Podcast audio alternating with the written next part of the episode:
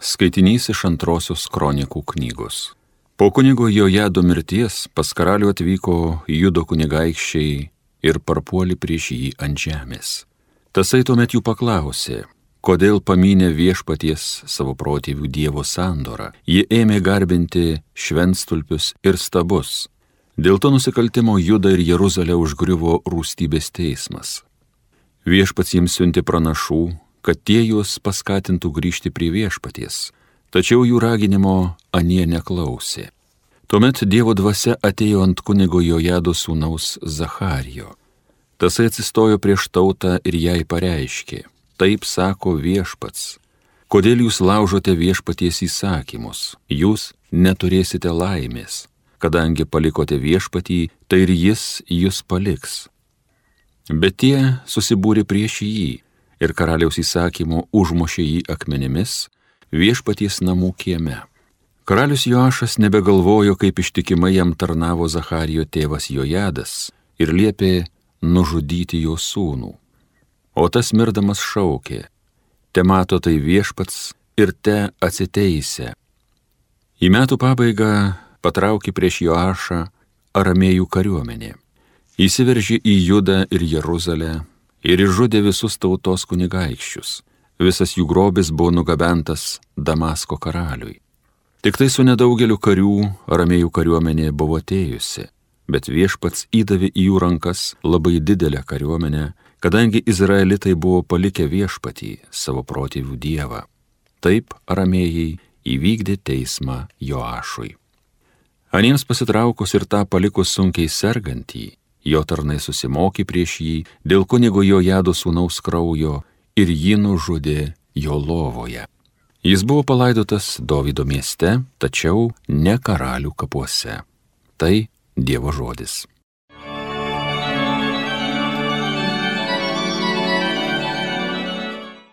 Aš būsiu per amžius jam maloningas.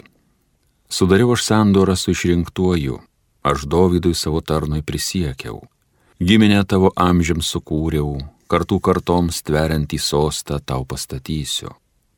Aš būsiu per amžius jam maloningas. Aš būsiu per amžius jam maloningas, tvirta pasiliks sandora mūsų, jo giminiai leisiu gyvuoti per amžius, ilgai kaip dangus stovės jojo sostas. Aš būsiu per amžius jam maloningas. Jei jo vaikai paniekins mano teisyną, jei neselgs, kaip jiems įsakyta, jei mano nuostatus laužys, jeigu nepaisys, kas jiems mano liepta, aš būsiu per amžius jam maloningas.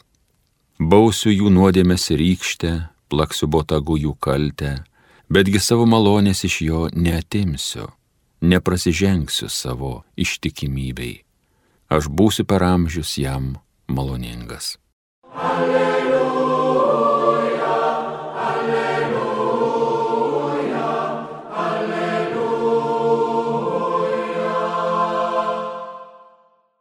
Jėzus Kristus, būdamas turtingas, tapo vargdieniu, kad jūs taptumėte turtingi per jo neturtą. Alleluja, alleluja, alleluja.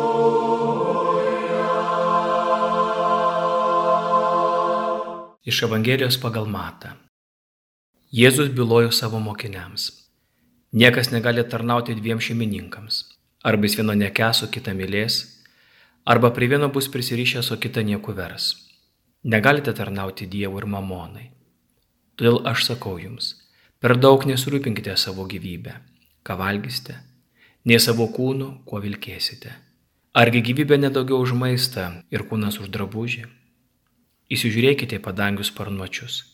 Nei jie sėja, nei pjauna, nei klonus krauna, o jūsų dangiškasis tėvas juos maitina. Argi jūs nedaug vertesni už juos? O kas iš jūsų gali savo rūpešių bent per sprindį prailginti savo gyvenimą? O kamgi taip rūpinantis drabužiu? Pasižiūrėkite, kaip auga lauko lelyjos. Jos nesidarbuoja ar neverpia. Bet aš sakau jums, ne pats Saliamonas visoje savo didybėje nebuvo taip pasipuošęs kaip kiekviena iš jų. Jei Dievas taip aprengė laukų gėlę, kuri šiandien žydė, o rytoj metama į krosnį, tai argi jis dar labiau nepasirūpės jumis mažatikiai. Todėl nesisielokite ir neklausinėkite, ką valgysime, arba ką gersime, arba kuo vilkėsime. Visų tų dalykų labai vaikosi pagonis. Jūsų dangiškasis tėvas juk žino, kad viso to jums reikia.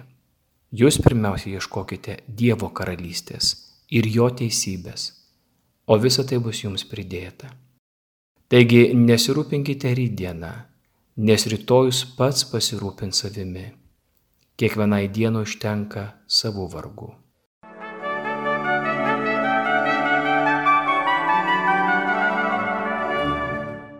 Šiandienos Evangelijos eilutės kalba ypatingu būdu, giliu būdu, prašančiu atverti savo širdį ir sutelkti visą savo mąstymą ir dėmesį.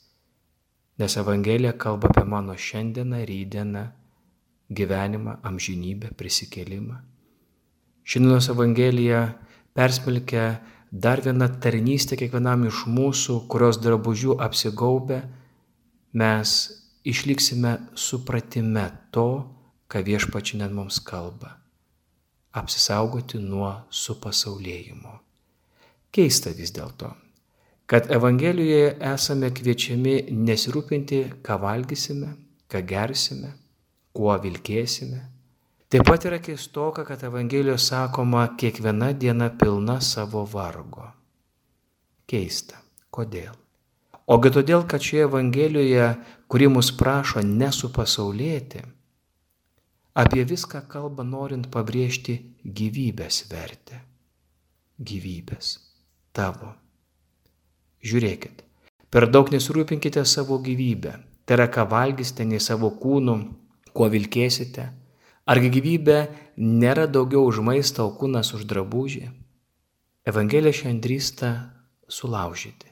Sulaužyti šiandienos pasaulio mums kiepijamą mąstymą ir elgseną. Savotiškai apnuoginti šiandien vienkartinės kultūros ir mokslo, reklamos, vartotojiškos civilizacijos ir vienadiniškumo mąstymą. Nes viskas ir visur mums sako, gyvybė tai yra maistas, kūnas drabužis, asmuo tik kaukė. Kažkodėl šiandien tapo labai svarbus tik socialiniai vaidmenys, statusai, tik tai tapo verti dėmesio. Rytojus daugeliu yra svarbesnis už šiandieną, Todėl mes girdime nesibaigiantį kvietimą - kaupkite, rūpinkitės, imkime. Mamona. Tai dievaitis, kuris prievartauja tave rūpintis rydieną, drabužių, maistų, saugumu ir galvoti, būtent, kad tai ir yra svarbiausia, kad tai ir yra tavo gyvybės šaltinis.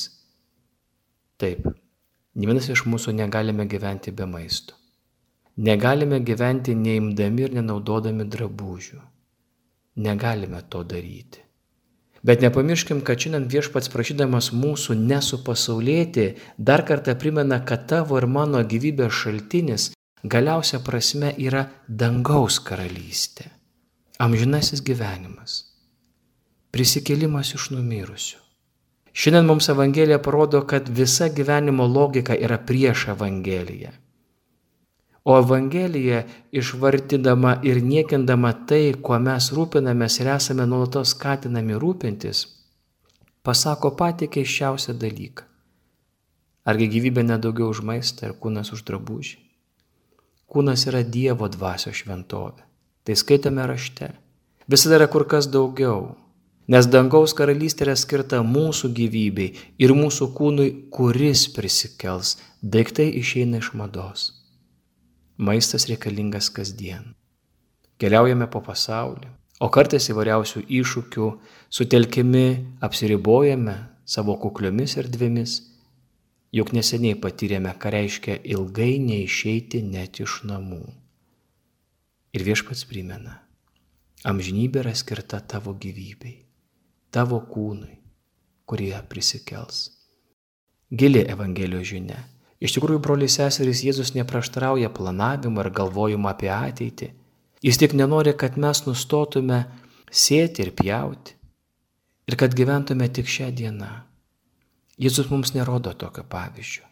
Jo šešis kartus pakartotas kvietimas nesirūpinkite kalba ne apie darbštų pasiruošimą ateičiai, bet apie nerimo pripildytą rūpestį. Nerimo pripildytas rūpestis. Juk dažniausiai mes apie rydieną galvojame su nerimu. Mūsų mąstymas yra pripildytas rūpeščio. Viešpats nori, kad mes dirbtume savo darbą šiandien. Dirbtume savo darbą, kad galėtume pavalgyti, apsirengti, turėti savo namuose reikalingų patogumą teikiančių daiktų ir įrankių. Bet viešpats nori išlaisvinti kiekvieną iš mūsų iš bet kokios baimės. Kad mes dirbtume savo kasdienybėje ir gyventume šiandien pilni pasitikėjimo. Štai kodėl jis mums duoda labai konkrečius nurodymus. Viešpats rūpinasi mumis. Jis rūpinasi gamta. Dėl sudardinės neglobais pasirūpimis mumis savo vaikais. Iš kur mumis atsiranda pasitikėjimo dievų stygius? Kodėl taip dažnai mūsų rūpešiai būna pilni nerimo, o tikėjimas toks mažas? Gal nedažnai mes iš šiandien atsiname šiame patį didžiausią dovaną tikėjimo galę? Ar tikime, kai melžiamės? Ar tikime, kad malda gali daug? Ar tikime, kad yra gyvenimas po mirties, kai reikia atsisveikinti su pačiu brangiausiu žmogumi? Ar tikime nuodėmę atleidimą? Kuris yra svarbus Dievo galestingumo maloniai patirti sakramentinį išpažinti, ar mes į šiandieną atsinešam tikėjimą. Todėl dažnai šitie dalykai tampa nuo mūsų tolimi, kad mes nepakankamai aiškiai pasirenkame. Galbūt norime tarnauti Dievui, suprantame, kad Jis yra svarbi mums, Jo malonė, Jo buvimas, bet negalime atsisakyti tarnauti ir mamonai. O mamona, Mes norime pasitikėti Dievu, bet ne visiškai. Ir mūsų nerimas kyla iš šio širdies pasidalymo. Ką atneš rytojus? Kaip visą išsispręs? Ar turėsime ką valgyti? Kiek žmonių pasaulyje šito savęs klausia kiekvieną dieną? Kiek daug žmonių net ir mūsų krašte turi savęs paklausti, ar pajėgs sumokėti tinančio mėnesio mokesčius? Kaip pasitikėjimas Dievu padeda mums siekiančio tikslo? Viena kad tas, kuris pasitikė Dievu, nesuteiks perdėto pasitikėjimo viskam, kuo turi. Pinigams, kurie nuvertėja, daiktams, kurie išeina iš mados, socialiniams statusams, kurie keičiasi, vaidmenims, kurie nublanksta. Nesuteiks perdėto pasitikėjimo. Taip yra viena pagunda, kurie dabar pasakius atrodytų, kad vėl reikės būti nuleistos galvos krikščionimi. Bet ne. Tas, kuris nesuteikia perdėto pasitikėjimo, visuomet pasirenka saikingumo kelią. Taip nebijau šiandien tarti to žodį ir kuklumo kelią. Nors vėlgi ir turbūt suprasiu, kad daugelis sakys, argi aš visą gyvenimą gyvenau tam, kad visą gyvenimą taupyčiau ir kukliai gyvenčiau. Negi visą tai pasiekiau, kad vėl kažkur tai saikingumą matą įdėčiau, bet noriu išvesti gyvenimą, noriu pasinaudoti savo gyvenimo vaisiais, kodėl reikia to saikingumo, kodėl reikia to kuklumo, tarsi vėl įsprausti į kažkokius tai rėmus, negatyvi nuotaika. Ne. Saikingumo kelias visuomet yra sveikatingumo kelias. Kuklumo kelias visuomet yra darybių kelias. Ir kas pasirenka kuklumą ir saikingumą, jis pasirenka supratimą, kad tai kuo jis kasdien naudojasi, turi didžiulę vertę. Jis vertina daiktą, automobilį, vertina darbą, net vertina vidinį džiaugsmą, kad šiandien galiu susimokėti mokesčius, šiandien galiu parnešti duonos kepalą, šiandien galiu su savo vaikais išvažiuoti atostogų, šiandien galiu pasakyti kažkam labas rytas, šiandien galiu prisidėti prie socialinės veiklos ir pasirūpinti labiausiai stokojančiais kad šiandien galiu. Mamono nepamirškim, yra nepasotinamas ponaitis. Ir kas jam tarnauja, niekada nepasisotina. Ir mes tai puikiai matome. Mes matome žmonių niekada nepasisotinančių. Namais, automobiliais, daiktais. Ir jie visuomet yra labai nerimastingi. Įklimsta į nerimo liūną. Ir mes puikiai matome, kiek daug pasaulyje ir mūsų krašte liūdnų istorijų, kai visa tai, į ką rėmėsi subliuško, ištiko žmonių likimo smūgiai, sveikatos netektis, gyvybės gyjos nutrukimas. O kas pasitikė Dievu, tas pasitenkindamas gyvenimo dalykais, būtiniausiais, paprasčiausiais, bet garbingai, vis laiką suranda ramybę. Viešpats prašo išlaikyti ramybę širdies ir mąstymo, elgsenos ir pasirinkimo. Dar daugiau, tas, kas siekia tarnauti Dievui, nekarta patirs, kaip artima ir dėmesingai Dievas stovi šalia. Netgi mūsų mažiausiose dalykuose ir duoda mums labai gilę žinę, kad Jis yra mūsų tėvas, kuris kaip niekas kitas, kasdien, šiandien rūpinasi mumis.